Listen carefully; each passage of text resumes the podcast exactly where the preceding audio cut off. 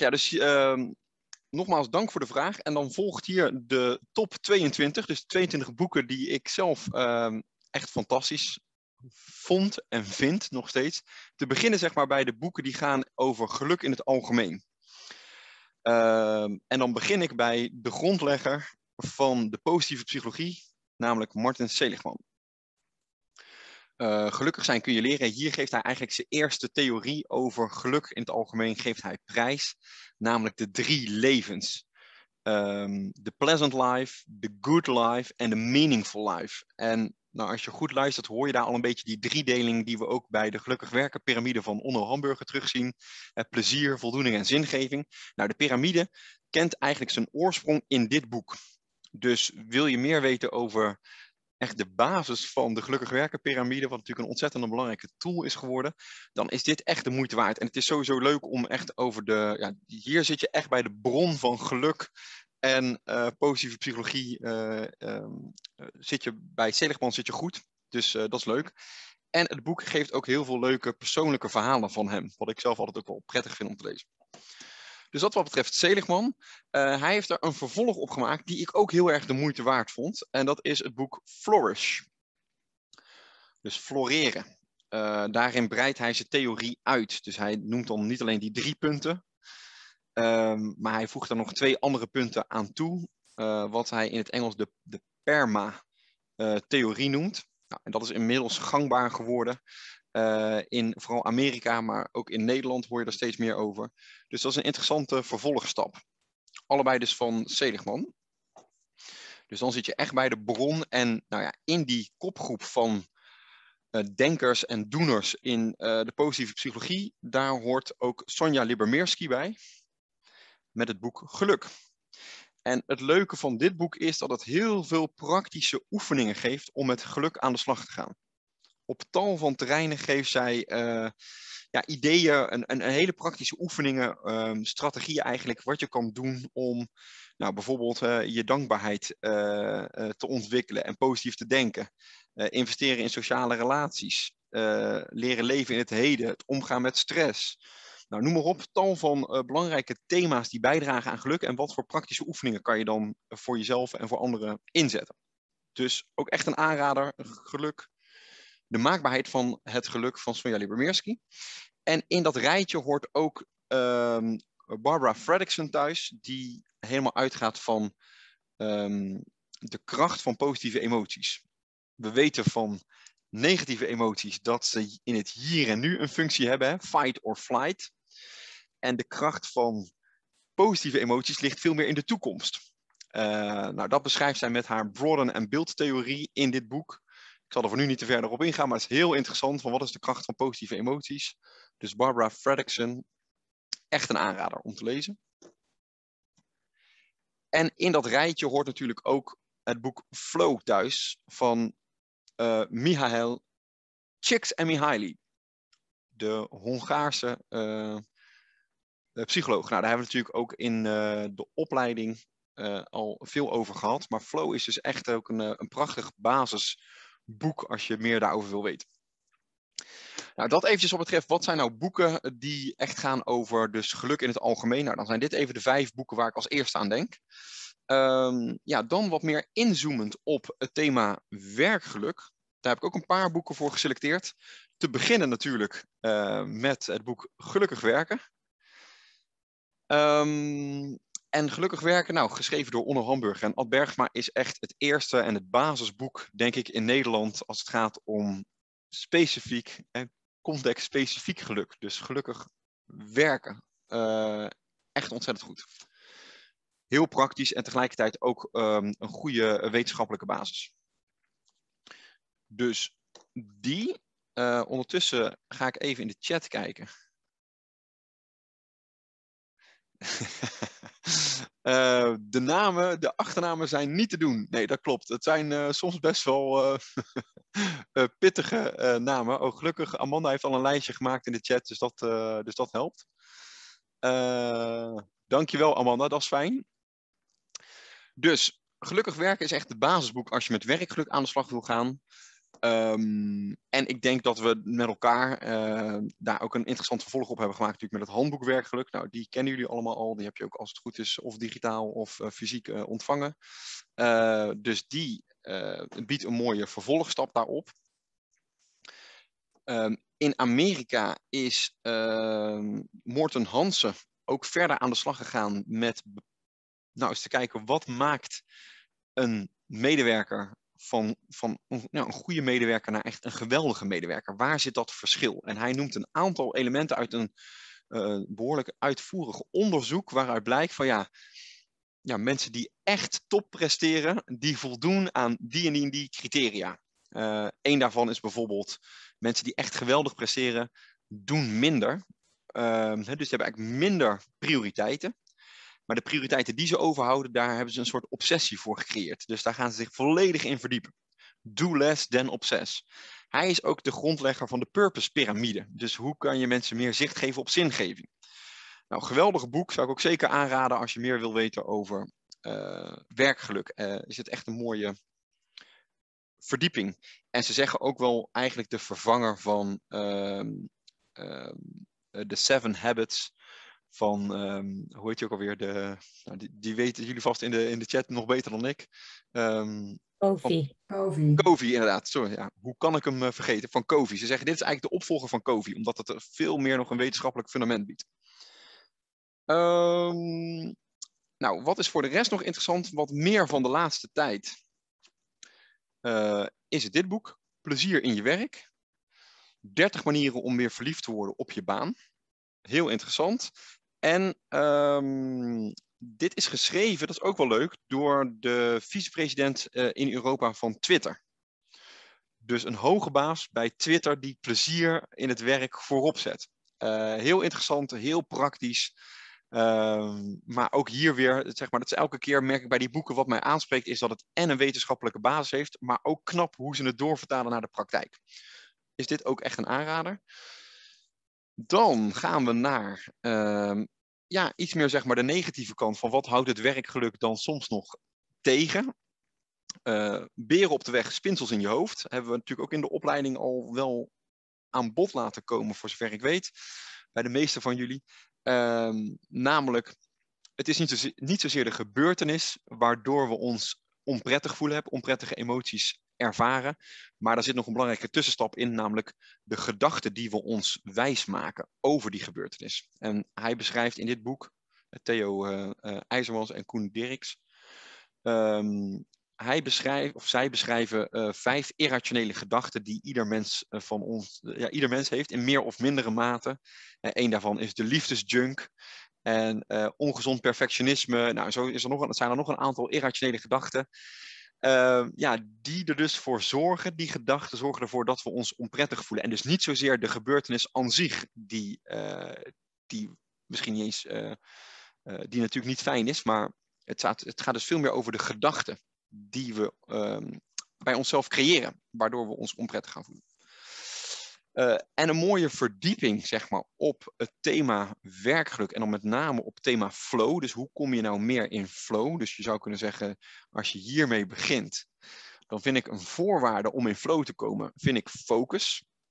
Meer focus aanbrengen in je werk. Uh, Mark Tichelaar, een Nederlander, uh, samen met Oscar de Bos.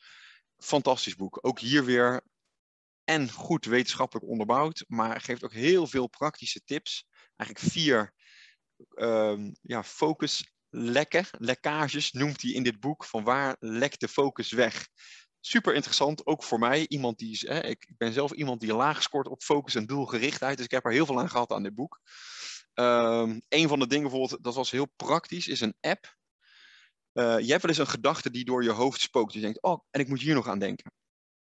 Uh, maar goed, het kan dus in je hoofd blijven zingen. En hij geeft ook een heel, een, een heel praktisch voorbeeld in dit boek, uh, of een tip, en dat heet um, BrainTos, zo heet de app. En dan praat je dus even de gedachten, praat je gelijk in naar jezelf in je telefoon via die app. En hij stuurt zeg maar dat bericht, stuurt die app door in tekst, uh, en volgens mij ook in audio, naar je inbox. Dus de gedachte die je in je hoofd hebt, die spreek je gelijk in. En die wordt verstuurd naar, um, naar je inbox. Dus dat is voor iemand zoals ik is dat fantastisch, want al mijn gedachten die komen gewoon keurig in mijn inbox en die werk ik zo één voor één af. Braintos heet de app die hij bijvoorbeeld in dit boek beschrijft. En de Harvard Business Review heeft een mooi boekje gemaakt over happiness. In een, in een reeks van meerdere uh, thema's behandelden ze onder andere dus ook happiness. En uh, wat ik hier vooral heel interessant aan vond, was het hoofdstuk dat helemaal gaat over progressie. Uh, even kijken welk hoofdstuk dat is.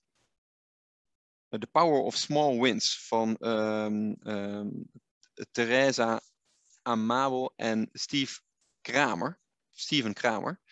Um, ja, waaruit blijkt, zeg maar, wil je mensen motiveren als leidinggevende, ga sturen op progressie. Dus mooi boekje, sowieso staan er heel veel interessante hoofdstukken in, maar vooral het hoofdstuk over progressie vond ik super interessant. En een ander interessant onderwerp hier is, uh, en dat vond ik ook wel de moeite waard, uh, is dat ze ook wel een wat kritische noot op een gegeven moment slaan. En dat is hoofdstuk 6. Met welk onderzoek hebben we nou, uh, ja, als het ware genegeerd als het gaat over werkgeluk? En wanneer werkt werkgeluk ook niet? Dus juist even de kritische kanttekening. Vond ik wel een, uh, een eye-opener. Het is altijd goed om ook zelf kritisch te blijven over je vakgebied. Dus uh, dat vond ik goed dus dat zijn even wat boeken die wat meer specifiek ingaan over happiness at work, hè, dus werkgeluk. Nou, sommige uh, Nederlandstalig, andere in het Engels. Dan um, de belangrijkste voorspeller van werkgeluk is de persoonlijkheid. Dus het is mooi om je daar ook een aantal boekentips over te geven. Me, Myself and Us van Brian Little. Nou, Brian Little is de man in Amerika die alles weet over de Big Five, over de persoonlijkheid. Hij heeft daar ook een boek over geschreven. Ook hier weer erg goed qua wetenschap, uh, wetenschappelijke onderbouwing. Heel veel humor gebruikt je ook in het boek. Uh, ja, vond ik, vond ik geweldig. En daar hoort ook in het verlengde uh, dit boek bij. Van Howard en Howard. Um, The Owner's Manual for Personality at Work. Dus het gaat ook helemaal over de Big Five. en dan specifiek op het werk gericht. Super interessant. Gaat niet alleen over de, de, de hoofdschalen van de Big Five, maar ook over de subschalen. Dus dat geeft echt een hele mooie verdieping. Uh, dat wat betreft de persoonlijkheid. Dan gaan we naar de volgende categorie. En dat zijn de boeken die gaan over gelukkig leidinggeven. Um, de eerste dicht bij huis. Mark van Vught en Max Wildschut over gezag. Volgens mij is er inmiddels een nieuwe versie zelfs. Dit is eigenlijk de, hoe maak je nou als leidinggevende de omslag van macht naar gezag. En hij kijkt hierbij, of zij kijkt hier heel erg bij naar de evolutie. Uh, het zijn volgens mij ook allebei evolutionair psychologen. Dus zij gaan echt terug naar de savanne en uh, nou, hoe werd leiderschap vroeger bepaald en wat levert dat voor inzichten op om nu als leidinggevende te gebruiken. Super interessant, echt, uh, echt een aanrader als je meer wil weten over hoe kan je meer vanuit gezag leiding geven dan vanuit macht. nou, een belangrijk onderdeel als je het hebt over werkgeluk bevorderen vanuit leidinggevend perspectief gaat over waardering. Maar hoe geef je nou waardering? Daar gaat dit boek over. Leading with Gratitude van Gostick en Elton. Hebben we ook behandeld in de opleiding. Uh, dus je hoeft hem niet helemaal te lezen, want ik heb, hem, ik heb hem samengevat en het komt ook terug in een van de modules in, uh, in uh, het online programma. Maar sowieso, altijd wil je er verder in verdiepen, zou ik aanraden om hem gewoon helemaal te lezen goed boek. Um, en natuurlijk wat tegenwoordig echt een hot issue is, uh, psychologische veiligheid op het werk. Um, en eigenlijk ja, de grondlegger daarvan is de Amerikaanse wetenschapper Amy Edmondson over de onbevreesde organisatie. Is echt een aanrader. Uh, inmiddels zijn er in Nederland ook goede boeken um, geschreven over psychologische veiligheid. Dus uh, daar kan je natuurlijk ook altijd naar kijken. Jorien Beks uit mijn hoofd um, uh, heeft daar ook een, een, mooi boek over geschreven. Eh, dus dat is, je hebt ook Nederlandse auteurs, maar goed, Amy Edmondson is echt de internationale grondlegger van psychologische veiligheid. Mooi boek ook. En natuurlijk ook belangrijk voor leidinggevenden, van hoe creëer je nou psychologische veiligheid in je teams. Ehm, even kijken. En hier hadden we het net al over. Hè? Dus in dit kleine boekje gaat het over, eh, een hoofdstuk gaat over progressiegericht leiding geven.